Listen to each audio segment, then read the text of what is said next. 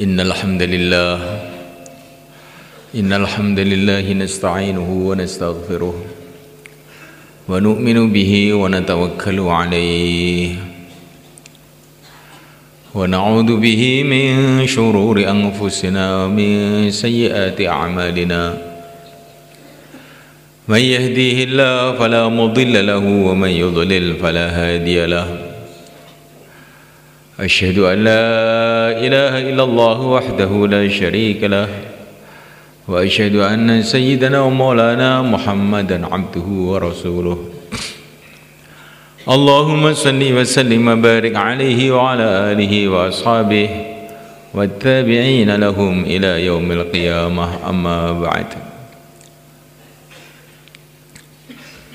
فقد قال في كتابه الكريم إن الذين قالوا ربنا الله ثم استقاموا تتنزل عليهم الملائكة ألا تخافوا ولا تحزنوا وأبشروا بالجنة التي كنتم توعدون نحن أولياؤكم في الحياة الدنيا وفي الآخرة ولكم فيها ما تشتهي أنفسكم ولكم فيها ما تدعون نزلا من غفور رحيم.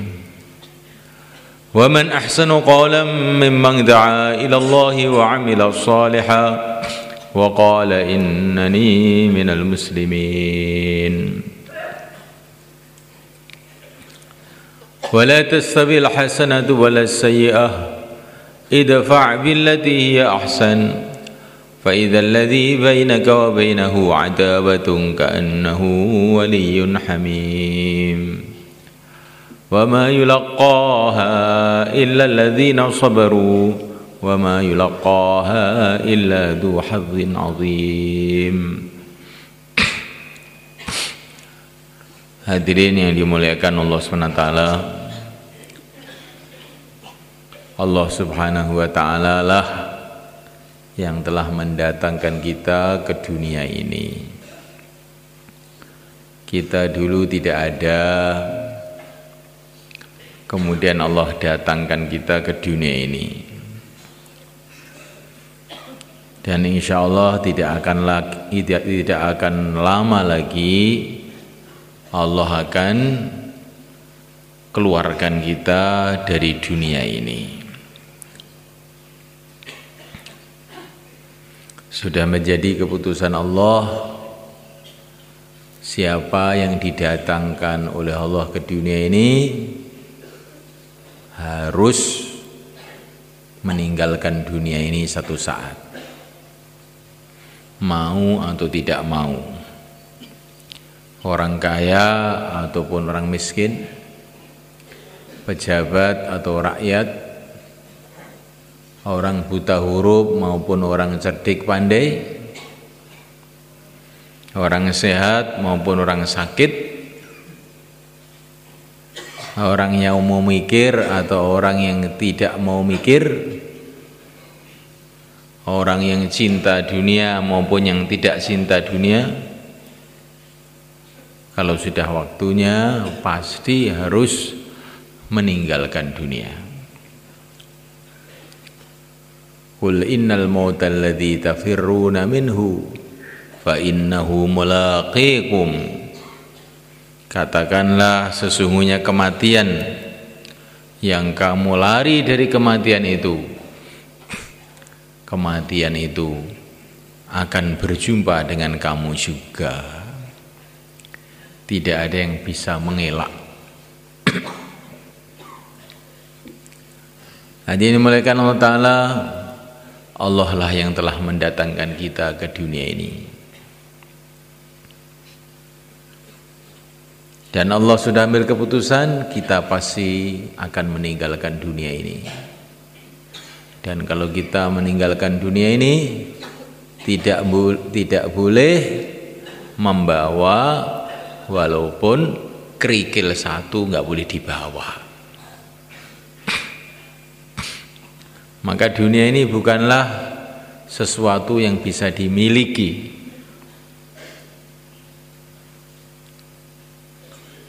Manusia itu di dunia ini cuma giliran-giliran saja. Giliran-giliran di dunia ini. Enggak ada manusia yang bisa memiliki dunia ini. Ini tanah hak milik saya. Itu kan perasaan kamu. Itu bukan hak milik kamu. Tapi kamu dapat giliran ngurus. Cuman itu saja.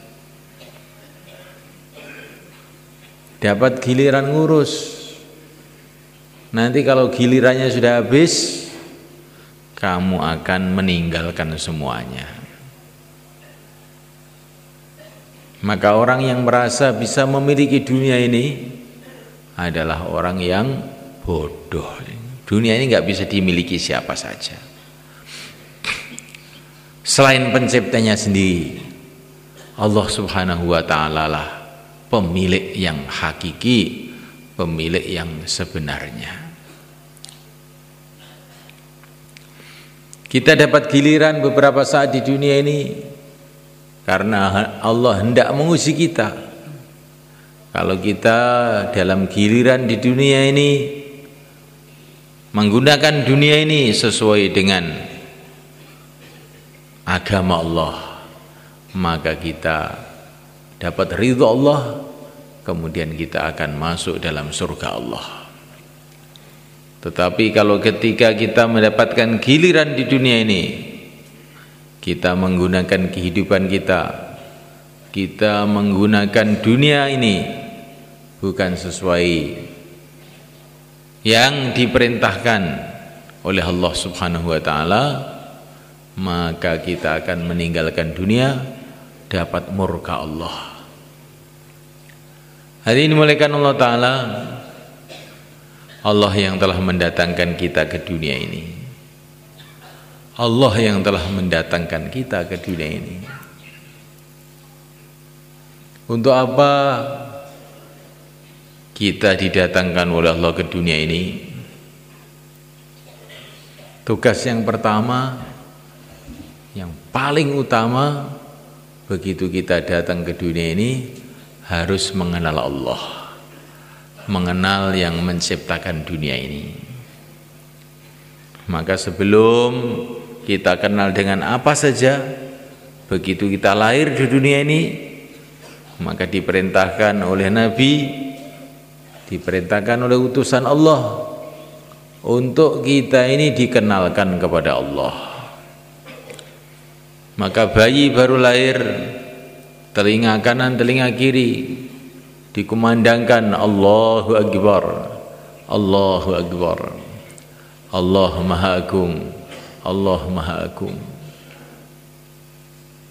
Sebelum kenal dengan ayahnya dikenalkan dulu dengan yang menciptakan ayahnya sebelum kenal dengan ibunya diciptakan dikenalkan dulu dengan yang menciptakan ibunya Sebelum kenal dengan dunia, dikenalkan dulu dengan yang menciptakan dunia. Inilah kewajiban kita pertama. Ini kewajiban pertama yang terpenting. Mengenal Allah. Sehingga kita ini merasa hamba Allah.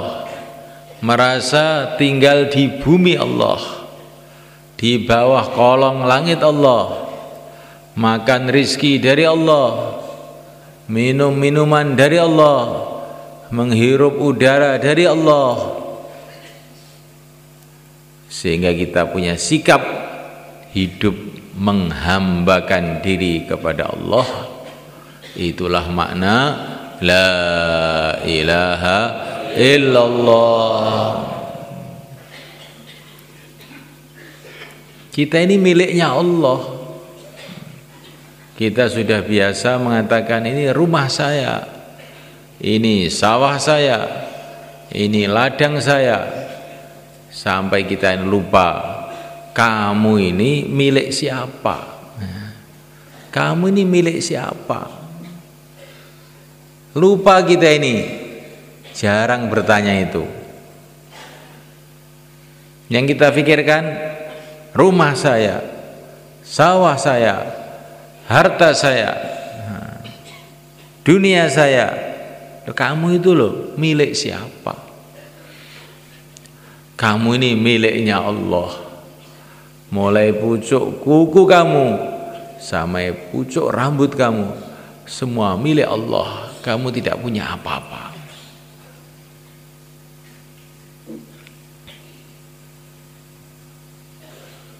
Pernah menciptakan apa kamu di alam semesta ini? Kamu tidak men pernah menciptakan walau sebutir pasir. Kamu tidak pernah menciptakan walaupun setetes air. Kamu tidak pernah menciptakan walaupun selembar rambut, sepotong kuku, Kok sekarang kamu itu merasa ini punya saya, ini punya saya. Ini adalah satu kelalaian yang besar. Kita ini miliknya Allah. Kita ini hambanya Allah. Kalau kita di masjid, kita ini hambanya Allah. Kalau kita di pasar, kita ini juga hambanya Allah. Kalaupun kita ini jadi raja yang paling kaya pun juga tetap hamba Allah. Kalau kita ini di bumi juga hanya hamba Allah. Kalau kita umpamanya bisa naik ke langit pun juga hanya hamba Allah. Kalau kita ini buta huruf bodoh juga hamba Allah. Kalau kita ini orang pandai paling pandai seluruh dunia pun juga tetap hanya hamba Allah. Kamu itu nggak punya apa-apa.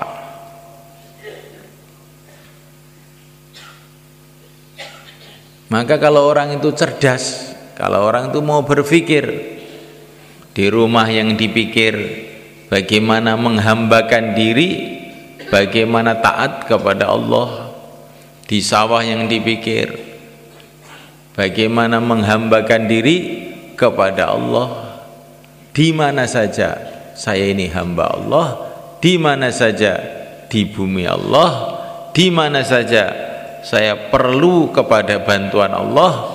Setiap detik setiap menit saya perlu dengan Allah. Maka setiap detik setiap menit saya harus ingat kepada Allah tunduk kepada Allah taat kepada Allah la ilaha illallah ini ilmu terpenting ini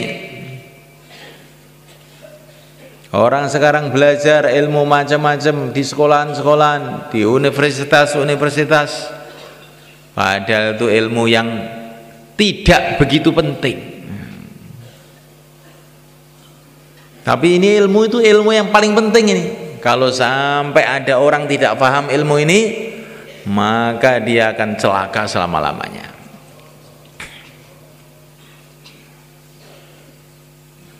ilmu mengenai keagungan Allah. Ilmu yang membuat dia merasa dia ini hamba Allah.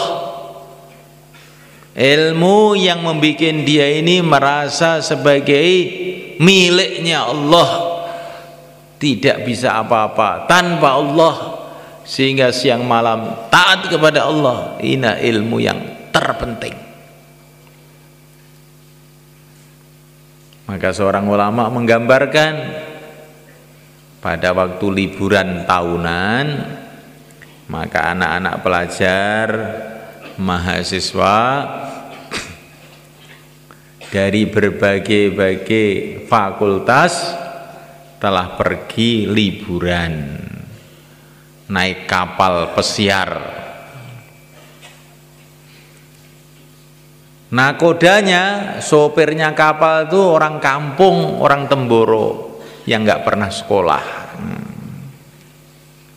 Sedangkan penumpangnya orang pinter-pinter, ada yang doktor, ada yang profesor, ada yang ahli ini, ahli itu, macam-macam lah. Akhirnya mereka berlayar naik kapal menuju ke lautan lepas, ke tengah lautan maka anak-anak muda mahasiswa-mahasiswa tadi bertanya kepada nakoda sopirnya kapal itu, "Mbah, pernah sekolah, Mbah?" "Tidak." Pernah belajar kedokteran? Tidak. Matematika apa itu nak? Sama sekali saya baru dengar ini apa itu mati-matian itu. Hmm. Maka anak-anak muda itu tertawa semua. Mbah, kamu ketinggalan zaman. Hidup kamu sia-sia. Tetapi nakoda kapal tadi diam-diam saja. Awas ya kamu dalam hati itu. Maka terus kapal berjalan di lautan lepas. Tiba-tiba datang hujan. Angin ribut. Semua penumpang-penumpangnya pada ketakutan semuanya. Kemudian nakoda itu bilang, anak-anak, kamu pernah belajar ilmu berenang atau tidak? Wah, tidak pernah, Mbah. Tidak pernah. Hidup kamu sia-sia katanya. Sekarang ilmu kedokteran kamu, matematik kamu, semua ilmu kamu yang kamu pelajari di sekolahan itu nggak ada gunanya. Karena sebentar lagi kapal ini akan karam, tenggelam, yang bisa berenang cuma saya saja. Kamu akan mampus semuanya. Katanya nakoda dari Temboro tadi. Ya. Ini gambaran mulai Ilmu-ilmu ini, ilmu-ilmu ini dipelajari tapi ilmu mengenai la ilaha illallah tidak dipelajari. Maka seperti itu nasibnya. Walaupun kamu pinter segala bidang tengah lautan nggak bisa berenang delep mati kamu. Walaupun kamu tahu segala ilmu dunia masuk kubur apa ada gunanya? Yang ada gunanya cuman ilmu la ilaha illallah. Itu yang ada gunanya yang lain-lain nggak ada gunanya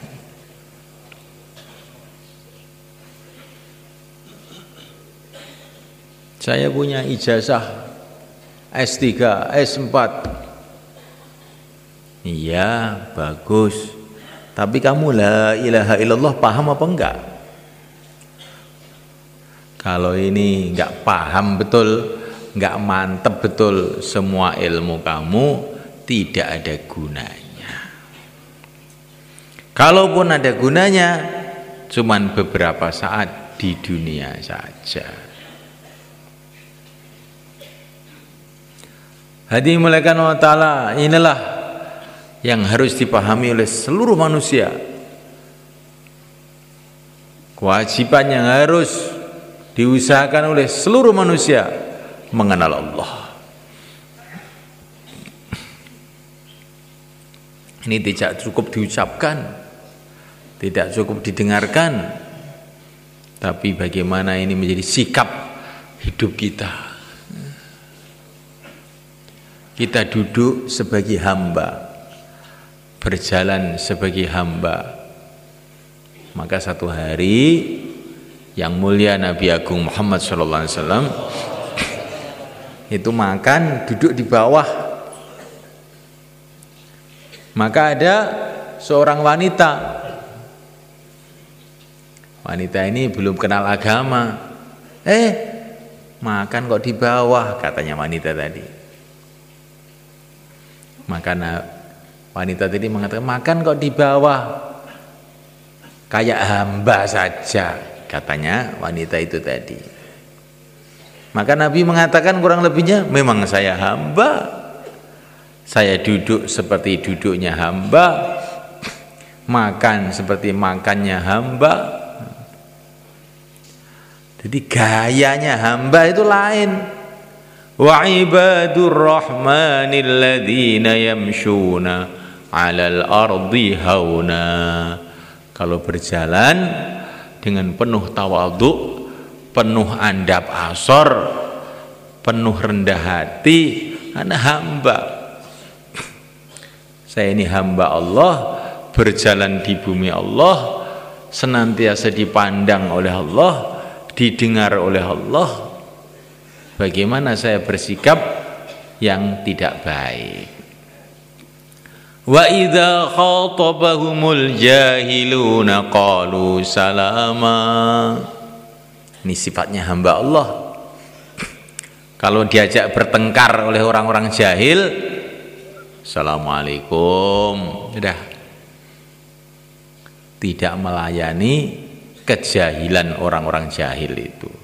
Di depan Allah kok bertengkar. Di depan Allah kok bertengkar. Wa idza khatabahumul jahiluna qalu salama. Assalamualaikum. Kalau diajak bertengkar begitu. Yang mulai kan kata para ulama kalau kita mengucapkan assalamualaikum itu setan-setan pada lari. Lah yang ngajak tengkar-tengkar itu setan biasanya. Promotornya ini panitianya itu setan, orang-orang bertengkar itu. Maka kalau ada orang bertengkar, assalamualaikum. Terus tinggalkan aja salamun mufarokoh salam untuk berpisah ini hamba sekarang kita duduk di masjid ini duduk sebagai hamba ya. hamba Allah mendengarkan cerita mengenai keagungan Allah kira-kira sikapnya bagaimana Perhatikan yang sungguh-sungguh. Hamba Allah diajak bicara mengenai keagungan Allah kok ngantuk. Ini namanya tidak sesuai. Tidak sesuai. Itu telinga itu milik Allah bukan milik kamu. Ditempelkan di kepala kamu tuh supaya bisa dengar agama Allah lah kok malah tidur itu nanti telinga kamu gimana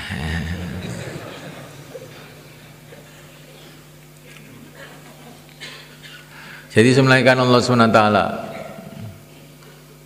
duduk sebagai hamba kayak sholat berdiri menundukkan kepala ruko sujud. Sholat itu melupakan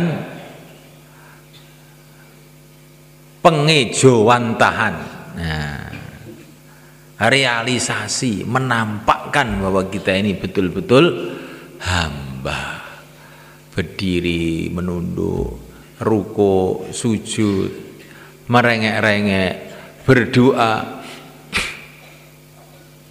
lah yang dikehendaki bukan hanya waktu sholat saja kita ini merasa sebagai hamba di luar sholat pun kita hamba Allah. Di mana pun kita adalah hamba Allah. Maka di mana pun kita pakai adab yang telah diajarkan oleh Allah melalui utusan Allah Nabi Agung Muhammad SAW. Nah mulai Allah Ta'ala kemudian kewajiban kita yang kedua adalah mengenal pimpinan kita Allah telah memberikan kepada kita ini pimpinan yang sebaik-baiknya pimpinan. Sayyidul Anbiya wal Mursalin. Pimpinan dari seluruh nabi, seluruh rasul. Kita harus kenal, orang kalau nggak kenal pimpinannya bagaimana? Kalau orang Indonesia tidak kenal dengan presiden Indonesia dianggap aneh. Ini mesti orang dungu mesti orang sinteng orang Indonesia nggak tahu presiden Indonesia lebih sinteng lagi kalau manusia tidak kenal dengan Rasulullah SAW lebih sinteng lagi kalau tidak kenal dengan pimpinan Indonesia itu ya risikonya itu cuman kecil di dunia ini saja. Tapi kalau tidak kenal dengan Rasulullah wasallam resikonya celaka selama-lamanya. Ya harus ini. Namalakan Allah Taala setelah kenal dengan pimpinannya ikuti kehidupan dia. Ikuti arahan beliau. Ini kewajiban kita ini. Allah telah memilih untuk kita sebaik-baiknya Nabi, sebaik-baiknya Rasul yang punya berjuta-juta keistimewaan, bukan beribu-ribu, berjuta-juta, bahkan lebih dari itu. Nabi ini punya keistimewaan yang tidak bisa kita hitung. Kita tahu keistimewaan Nabi Musa Bagaimana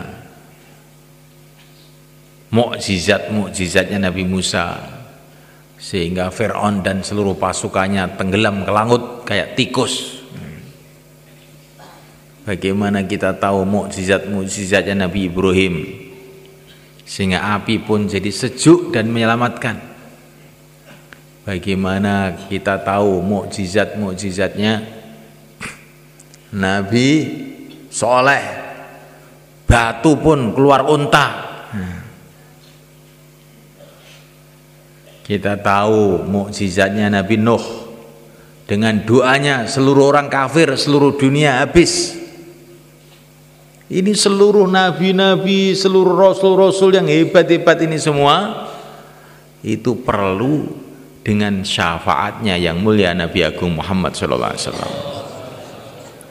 Dan semua nabi-nabi ini ketika diangkat menjadi nabi dikasih tahu oleh Allah, kamu saya angkat jadi nabi, tapi kamu harus ingat kalau Nabi Muhammad saya utus, kamu jadi makmum saja. La tu'minan nabi walatang surunnah. La tu'minun nabi walatang surunnah kamu harus iman jadi pengikutnya Rasulullah SAW. Terus bagaimana keistimewaan Rasulullah itu? Sudah, ini repot dibicarakan. Ini perlu, apalagi ini bulan Rabiul Awal. Pantas seluruh orang Islam itu bergembira ria karena ini hari bulan kelahiran yang mulia Nabi Agung Muhammad SAW. Perlu diingat-ingat ini. Perlu diperingati. Nah. Dan memperingatinya macam-macam cara. Tapi ya cara yang paling bagus keluar empat bulan. Insya Allah kan. Nah, ini tanda cintanya kepada Nabi. Karena kita ini gembira dengan agama, gembira dengan kelahiran Rasulullah sallallahu alaihi wa ala alihi wasallam ini adalah perintah Allah qul bi fadlillah wa bi rahmatihi fabidzalika falyafrahu kita harus gembira dengan kelahiran Nabi karena tidak ada anugerah yang lebih besar yang Allah berikan kepada kita setelah iman melebihi diutusnya Rasulullah wasallam untuk membimbing kita menuju ridha Allah, menuju surga Allah. Penting ini semua kan. Kita membaca selawat kepada beliau dengan penuh kecintaan. Dalam satu hadis dikatakan orang yang lupa membaca solawat berarti lupa jalan menuju surga. Nah, jalan menuju surga itu adalah ikut Rasulullah dan di antara cara mengingati Rasulullah dalam baca selawat lah kok lupa baca selawat lupa jalan ke surga. Perasaannya mau ke surga lupa. Tahu-tahu masuk. Masuk mana? Wong jalannya lupa loh. Mau ke Madiun tahu-tahu sampai Jakarta. Mau ke surga tahu-tahu sampai nah, gara-gara lupa dengan Rasulullah. Jangan sampai lupa dengan Rasulullah itu makanya para ulama bulan Rabiul Awal bikin peringatan Maulid Nabi ini bagus ini bagian dari perintah Allah nih fadzakirhum bi ayyamillah ingatkan mereka dengan sejarah pertolongan-pertolongan Allah. Tidak ada pertolongan Allah yang lebih besar melebihi datangnya Rasulullah sallallahu alaihi wasallam. Orang beriman itu mendengar nama Nabi itu harus gembira begitu sama kan. Mendengar nama Nabi kok tidak gembira itu sudah orang dungu, bodoh sama kan. Para sahabat dulu sakit keras mendengar nama Nabi, namanya tok disebut, ya Muhammad langsung lari sembuh kan. Saking gembiranya mendengar nama Muhammad disebut itu. Iya ini. Sayyidina Abdullah bin Umar radhiyallahu taala Beliau sakit, eh, kakinya kaku. Temannya mengatakan, "Sebut nama orang yang paling kamu cintai." ya Muhammad. Langsung sembuh ini cintanya para sahabat kepada Rasulullah SAW seorang sahabat dalam sakaratul maut beliau berteriak ya Muhammad ini cintanya para sahabat pada Nabi itu. Masya Allah. Sudah merasuk sampai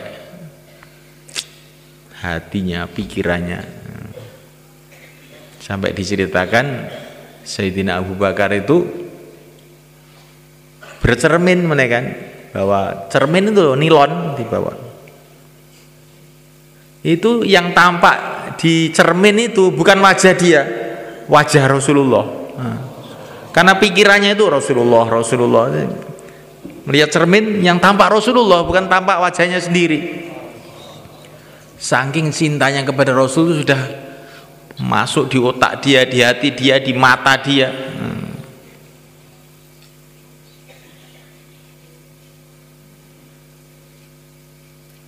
Nah ini semula kan kita renungi Karena orang itu derajatnya naik di sisi Allah Pertama karena imannya Kedua karena amalnya tapi ada lagi yang ketiga ini karena kecintaannya kepada Rasulullah. Ya. Walaupun amalannya lemah, tapi kalau cintanya kepada Rasul itu kuat, nanti derajatnya bisa melejit naik ke atas.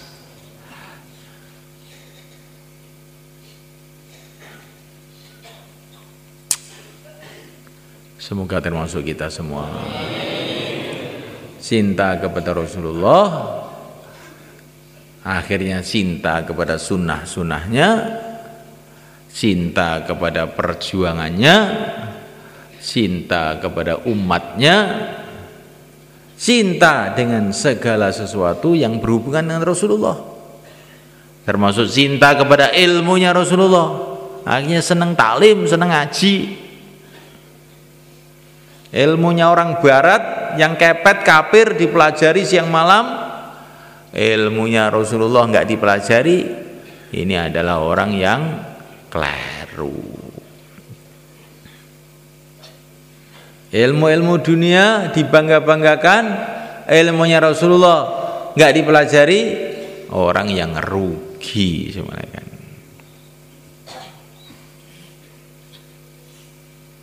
ilmu dari sekolahan dipelajari ilmu dari Sidratul Muntaha di atas langit ketujuh tidak dipelajari betul-betul rugi.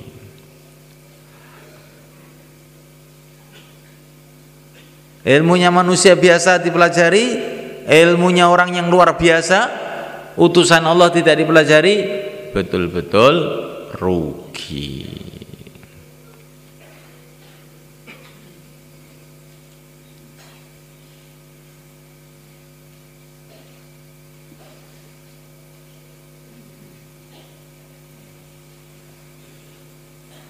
Assalamualaikum. Coba kepalanya diangkat biar nggak rugi kamu. Hmm. Nanti kalau kepalanya keberatan lagi ditarik lagi ya belakangnya itu ya. Tuh, depan kamu saya lihat tadi saya, tadi kok kepalanya kelihatannya keberatan diganti kancang hijau aja hmm. diganti kacang hijau biar ringan nah. Mau diganti kacang hijau? Tidak mau. Nah, diangkat? Nah. saya ini kalau bayan ada orang ngantuk itu langsung hilang konsentrasinya. Karena kata para ulama itu kalau orang itu berbicara dengan orang yang tidur itu sebetulnya dia ini gimana? Orang tidur kok diajak bicara itu supaya yang salah itu yang bicara apa yang tidur? Yang salah tuh yang bicara apa yang tidur? Coba ada orang tidur kamu ajak bicara. Mana yang salah?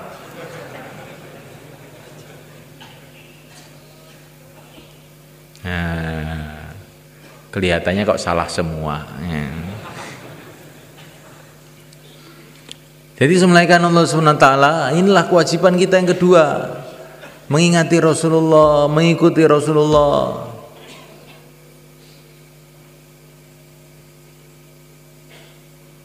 Siapa yang mau dipimpin oleh Rasulullah, beruntunglah dia dunia akhirat. Kalau tidak mau dipimpin Rasulullah, oleh Allah akan diserahkan. Ini sudah saya kasih pimpinan, sebaik-baiknya pimpinan, kok nggak mau dipimpin, maka oleh Allah akan diserahkan kepada pimpinan yang buruk, yang kejam, yang jahat, yaitu iblis laknatullah alaih. Jadi orang itu kalau nggak mau dipimpin Rasulullah, akhirnya dipimpin iblis ya.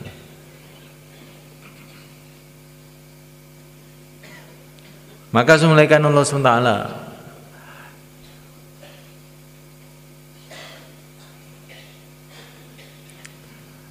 tidak ada jalan menuju ridha Allah SWT selain jalan yang ditunjukkan oleh Allah sendiri yaitu jalan yang dibawa Rasulullah SAW dan Rasulullah telah menyampaikan jalan ini kepada sahabat-sahabat beliau. Dan para sahabat telah menyampaikan jalan ini kepada orang-orang setelahnya. Terus turun temurun para ulama-ulama. Nah, ini sudah janji daripada Allah untuk nabinya. Tidak ada nabi lagi setelah baginda Muhammad Sallallahu Alaihi Wasallam. Tapi akan senantiasa ada di kalangan umat ini yang membawa ilmunya Nabi, perjuangannya Nabi terus akan ada berganti-ganti, bergilir-gilir sampai kiamat. Yakhlufu hadal ilma min kulli khalfin uduluhu. Akan senantiasa ada yang membawa ilmunya Nabi itu. Terus sampai kiamat. Jadi umat ini beda dengan umat-umat dulu. Umatnya Nabi Musa ditinggal Nabi Musa terus pada rusak semua. Sampai datang Nabi Isa, eh, sampai datang Nabi-Nabi setelah itu baru diluruskan. Kalau umat ini nggak ada Nabi lagi, nggak ada Rasul lagi, tapi Allah senantiasa membangkitkan orang-orang untuk meluruskan umat ini. Maka dalam hadis-hadis itu sudah dijelaskan mulai kan? Akan lahirnya Al Imam Asy-Syafi'i. Itu sudah ada hadisnya itu. Di Hilyatul Aulia itu karangnya Al Hafidh Al Asbihani sudah ada ceritanya itu akan lahirnya Al Imam Malik sudah ada ceritanya itu maksudnya supaya umat ini tidak kecewa wah sudah nggak ada nabi lagi nggak ada rasul lagi Terus bagaimana? Oh, walaupun nggak ada nabi lagi, nggak ada rasul lagi, akan ada terus orang-orang yang menegakkan agama dan membawa ilmu agama ini turun temurun sampai kiamat. Semoga kita anak cucu kita dipilih oleh Allah. Jadi ada terus itu.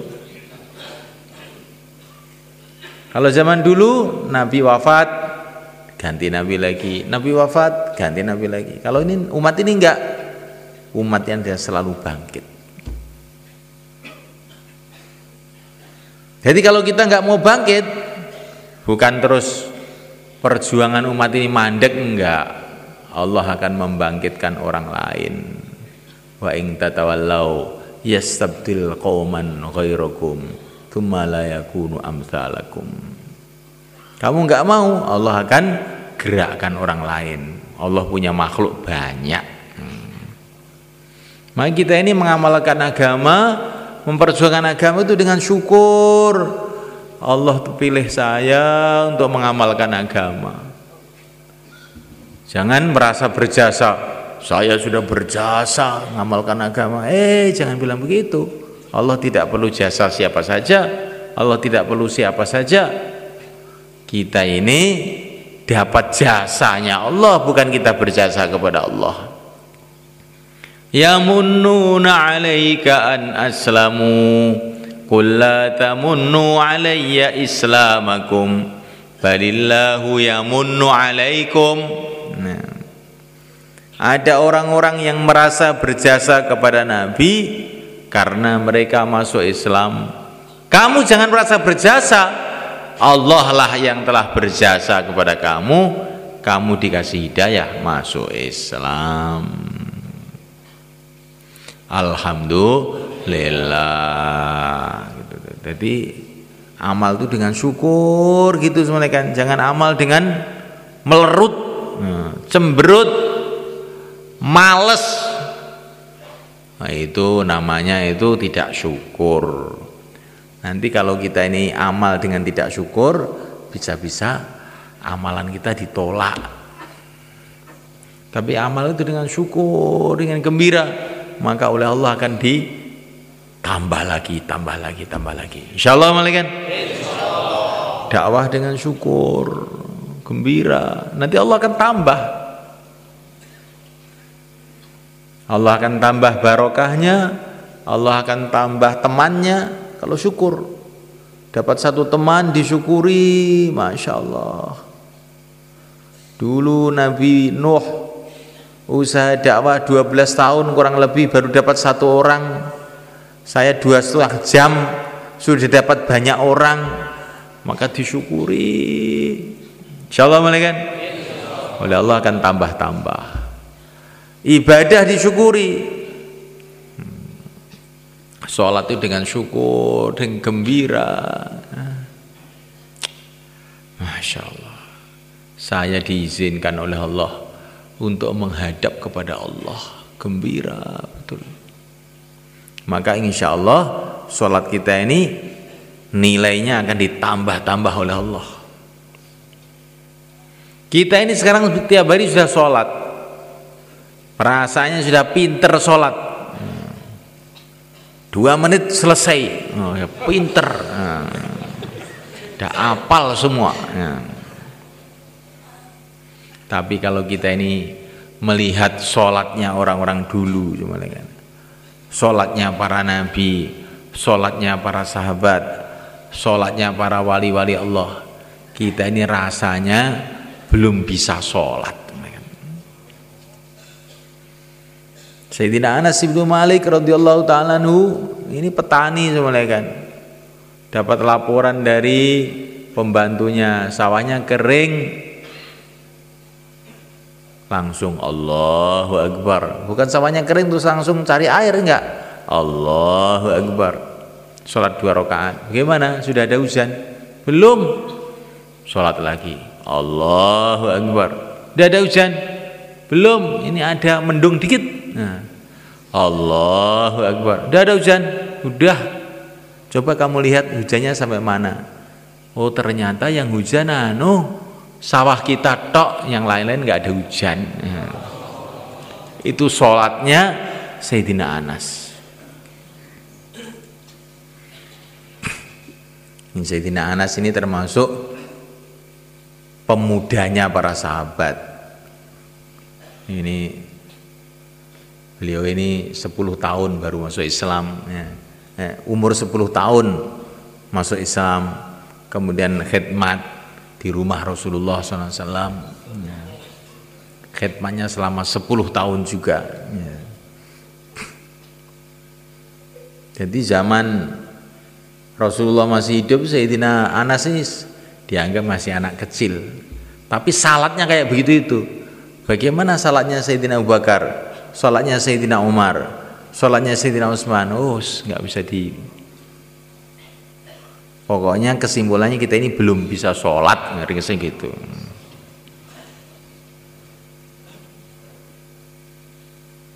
Saya sejak kecil sholat kok belum bisa sholat gimana? Iya sholat kalau diukur sholatnya sahabat, diukur sholatnya para orang-orang soleh dulu, ya kita ini belum bisa.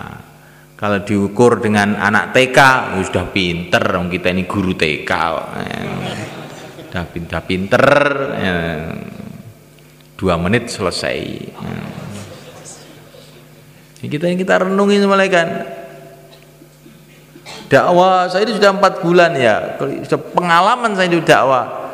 Ya itu kalau diukur orang zaman sekarang yang tidur aja di rumah memang sudah pengalaman empat bulan tapi kalau dihitung dengan Nabi Nuh yang 950 tahun kelihatannya kok belum pengalaman kelihatannya. Jadi semalaika Allah Ta'ala kita ini harus pikir tuh meningkat. Jangan sudah merasa puas. Orang itu kalau sudah merasa puas Ngantuan itu tandanya puas. Hmm. Iya. Saya sudah tahu semua. Nggak perlu dengar saya. Nah ini Sedangkan yang mulia Nabi Agung Sallallahu Alaihi Wasallam Senantiasa berdoa Robbi zidni ilma. Ya Allah tambahilah aku ilmu tambahilah aku ilmu. Rasulullah yang pengalaman sudah melebihi para nabi melebihi para rasul melebihi para malaikat masih merasa kurang. Lah kita ini lo taunya apa? Kok sudah merasa cukup sehingga ngantuk saja? Ya nggak semua kan ya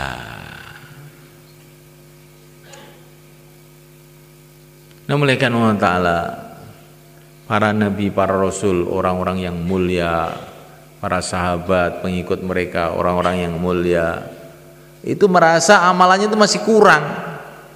Tapi kita perasaannya sudah cukup. Wah saya ini sudah banyak. Pahala saya sudah banyak. Saya sudah sholat saya sudah berapa tahun? Puasa saya sudah berapa kali? Ramadan. Zakat saya sudah berapa ton itu ya? Nah. Akhirat itu lo semalekan selama-lamanya. Kalaupun kamu tuh punya amalan bagaimanapun banyaknya kalau kita ini memandang negeri akhirat kalau kita ini memandang apa yang kita cari sebetulnya yang kita cari itu adalah ridho Allah yang kita cari itu surga Allah kita akan malu dengan amalan kita ini melihat ada orang dalam satu hadis mulai kan ada orang ibadah terus menerus zaman dulu ini sebelum umat ini ibadah terus menerus 500 tahun. Maka malaikat Jibril cerita kepada baginda Nabi nanti orang ini sampai hari kiamat di, belum ini, tapi sudah diceritakan oleh malaikat Jibril kepada Nabi. Nanti orang ini sampai hari kiamat dibangkitkan dari kubur, kemudian Allah berfirman, "Eh hambaku, silahkan masuk surga dengan rahmatku." Maka orang tadi, "Ya Allah, saya kan sudah ibadah 500 tahun. Masa saya ini dimasukkan surga?" Hanya karena rahmatmu saja lah. Amalan saya ini apa nggak ada nilainya? Hmm. maka Allah oh begitu. Hai para malaikat hitung itu amalannya dia. Maka dihitung dihitung dihitung amalannya 500 tahun ternyata tidak cukup untuk membayar nikmat mata Belum telinga ini, mata tok ini belum cukup. Loh mata itu mahal sebenarnya kan. Kalau orang itu matanya rusak, buta, dia suruh bayar uang satu miliar pun siap Kalau punya loh ini, supaya matanya bisa melek lagi. Betul nggak malaikat? Oh, mata ini mahal. Gara-gara mata kita masih sehat aja kita nggak tahu. Coba kalau matanya udah redup dan kamu punya uang satu miliar, eh bayar satu miliar, mata kamu melek lagi, sehat lagi. Iya saya siap. Kalau nggak siap, gara-gara nggak punya duit, nggak sehat. Nah itu ibadah 500 tahun ternyata untuk membayar matanya saja nggak cukup. Maka Allah berfirman, ternyata ibadah kamu nggak cukup untuk bayar mata saja, telinga belum kamu bayar, yang lain-lain belum kamu bayar, sekarang silahkan masuk neraka. Maka dia berteriak, Ya Allah, Ya Allah, Ampuni saya ya Allah masukkan kami ke surga dengan rahmatmu. Oh ya silahkan masuk surga dengan rahmatmu. Kamu itu sebenarnya orang baik tapi kok ada sombongnya kamu itu Kurang lebihnya itu begitu hmm. Jadi kita ini walaupun amal mamanya 500 tahun pun nggak ada apa-apanya dibanding yang ingin kita beli yaitu surga Allah Jangan merasa sudah cukup. Oh, nggak ada apa-apanya itu. Kita ini seperti orang mau beli mobil Mercedes baru bawa uang 5 rupiah. Hmm. Pergi ke toko mobil, saya punya uang 5 rupiah mau beli mobil baru Mercedes. Tapi memang tukang tokonya tadi yang menjaga toko orang baik, oh bagus bagus bagus silakan silakan silakan. Sebetulnya Pak, uang lima rupiah itu untuk beli lapnya saja tidak boleh. Masa? Iya. Tapi saya ini menghargai kamu, ya sudahlah. Gratis silahkan bawa pulang mobil. Lah surga itu seperti itu semuanya kan. Lah surga itu kerikilnya aja lebih mahal dari dunia seisinya. Kok kamu bayar empat bulan itu apa? Ya kamu bayar dunia seisinya itu belum dapat kerikil satu di surga itu kerikilnya belum sungai-sungainya belum istana-istananya belum bidadari-bidadarinya belum kedudukannya bersama wali-wali Allah oh kok bisa merasa banyak itu bagaimana itu yang mulai kan Allah Ta'ala kita amal itu dengan syukur, dengan gembira dan kita merasa amal kita ini belum apa-apa dibandingkan yang kita cita-citakan. Untuk bikin jembatan itu di depan itu semuanya kan dari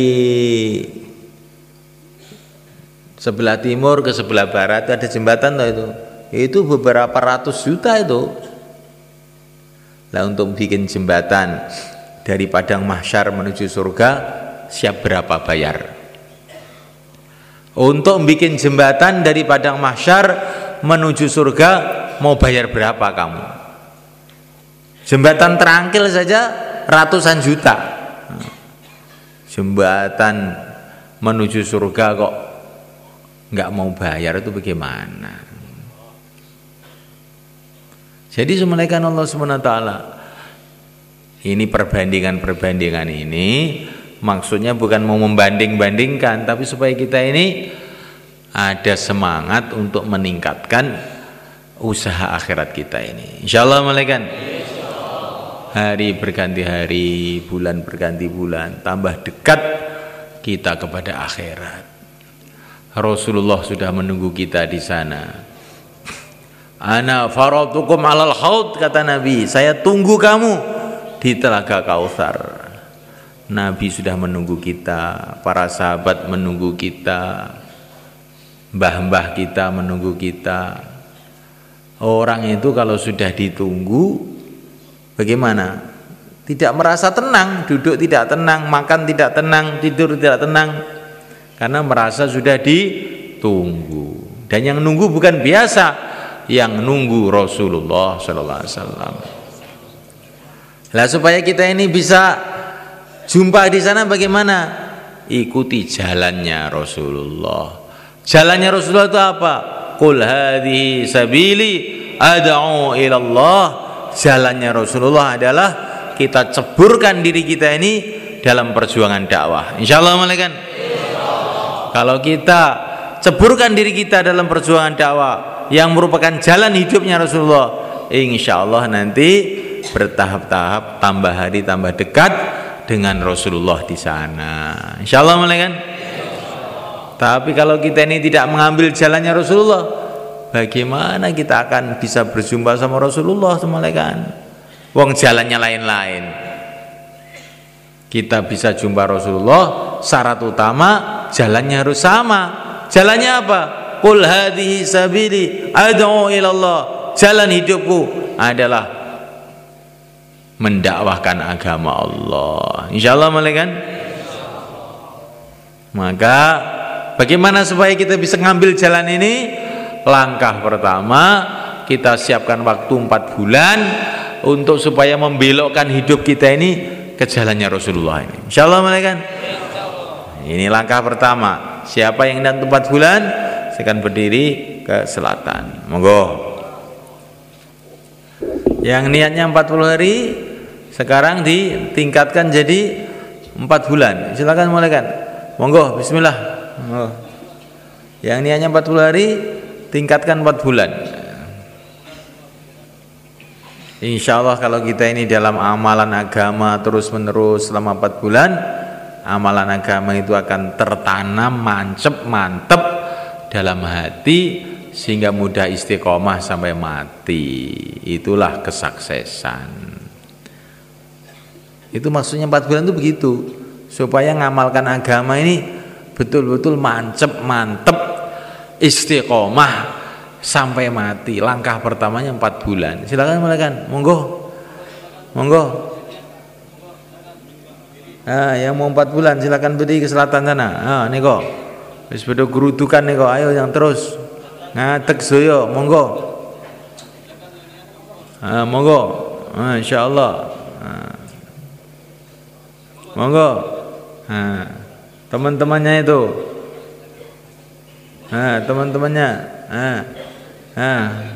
nggih mbah sampean kanca-kanca sampean niku Kemudian yang 40 hari juga semuanya kan. Wah, ini semua sini bismillah. Bismillahirrahmanirrahim. Bismillahirrahmanirrahim 40 hari monggo monggo 40 hari monggo Alhamdulillah monggo silakan silakan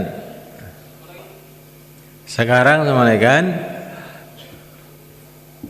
taskil persiapan atau yang sudah siap sekarang ya malah bagus yang ada niat untuk bikin persiapan negeri jauh atau India, Pakistan, Bangladesh. Silakan berdiri ke selatan, monggo. Persiapan negeri jauh India, Pakistan, Bangladesh. Monggo. Insyaallah semuanya semuanya kan. Kita kumpul dengan daerahnya masing-masing, zonnya masing-masing. Kemudian kita merencanakan kapan mau empat bulan, mau 40 hari dalam negeri. Termasuk kita akan membuat jamaah-jamaah jalan kaki. Selagi kita dalam persiapan, kita senantiasa akan dapat pahala perjuangan, mulai kan. Maka buat persiapan-persiapan Jamaah Januari, Februari, Maret, April, Mei, Juni begitu. Insya Allah kan? Sebelum kumpul dengan daerahnya masing-masing, sekarang 4455 apa yang disampaikan tadi diulang-ulang coba. Nah, kamu eh yang ngantuk itu coba ulang-ulang itu. Oh, itu.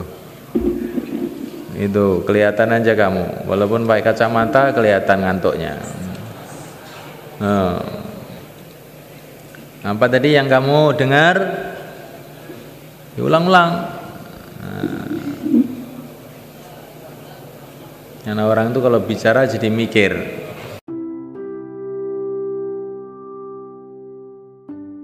Assalamualaikum warahmatullahi wabarakatuh. Masih bersama dengan Sarana Dakwah Di channel tentang membahas tentang dakwah Dan kisah-kisah para sahabat Nabi Dan perjuangan-perjuangan beliau dalam menegakkan agama Islam. Baik, di segmen kali ini saya akan membahas tentang Kebiasaan Nabi yaitu tentang sholat duha 4 rakaat. Dari Aisyah radhiyallahu anhu yang artinya ia berkata bahwa Rasulullah Shallallahu Alaihi Wasallam biasa sholat duha empat rakaat dan beliau menambah beberapa pun yang dikehendaki Allah.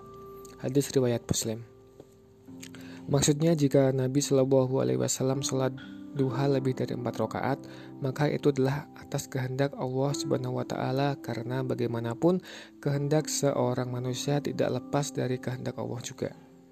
Hadis di atas jelas menyebutkan bahwa Nabi biasa mengerjakan sholat duha 4 rakaat setiap harinya. Demikian yang dikatakan dari Imam Al-Ghazali dalam Ihya-nya, namun terkadang beliau juga sholat lebih dari 4 rakaat. Beliau pernah sholat duha 6 rakaat dan pernah juga 8 rakaat, namun bukan berarti tidak boleh sholat duha 2 rakaat, karena beliau juga menganjurkan umatnya untuk mengerjakan sholat duha 2 rakaat. Tentang keutamaan sholat duha ini Rasulullah SAW yang bersabda, yang artinya setiap tulang sendi kalian wajib bersedekah pada pagi hari. Maka setiap tasbih adalah sedekah, setiap tahmid adalah sedekah, setiap tahlil adalah sedekah, setiap takbir adalah sedekah, menyuruh berbuat baik adalah sedekah, dan melarang perbuatan mungkar juga sedekah. Namun itu semua dapat dipenuhi dengan dua rakaat sholat duha. Hadis riwayat Muslim.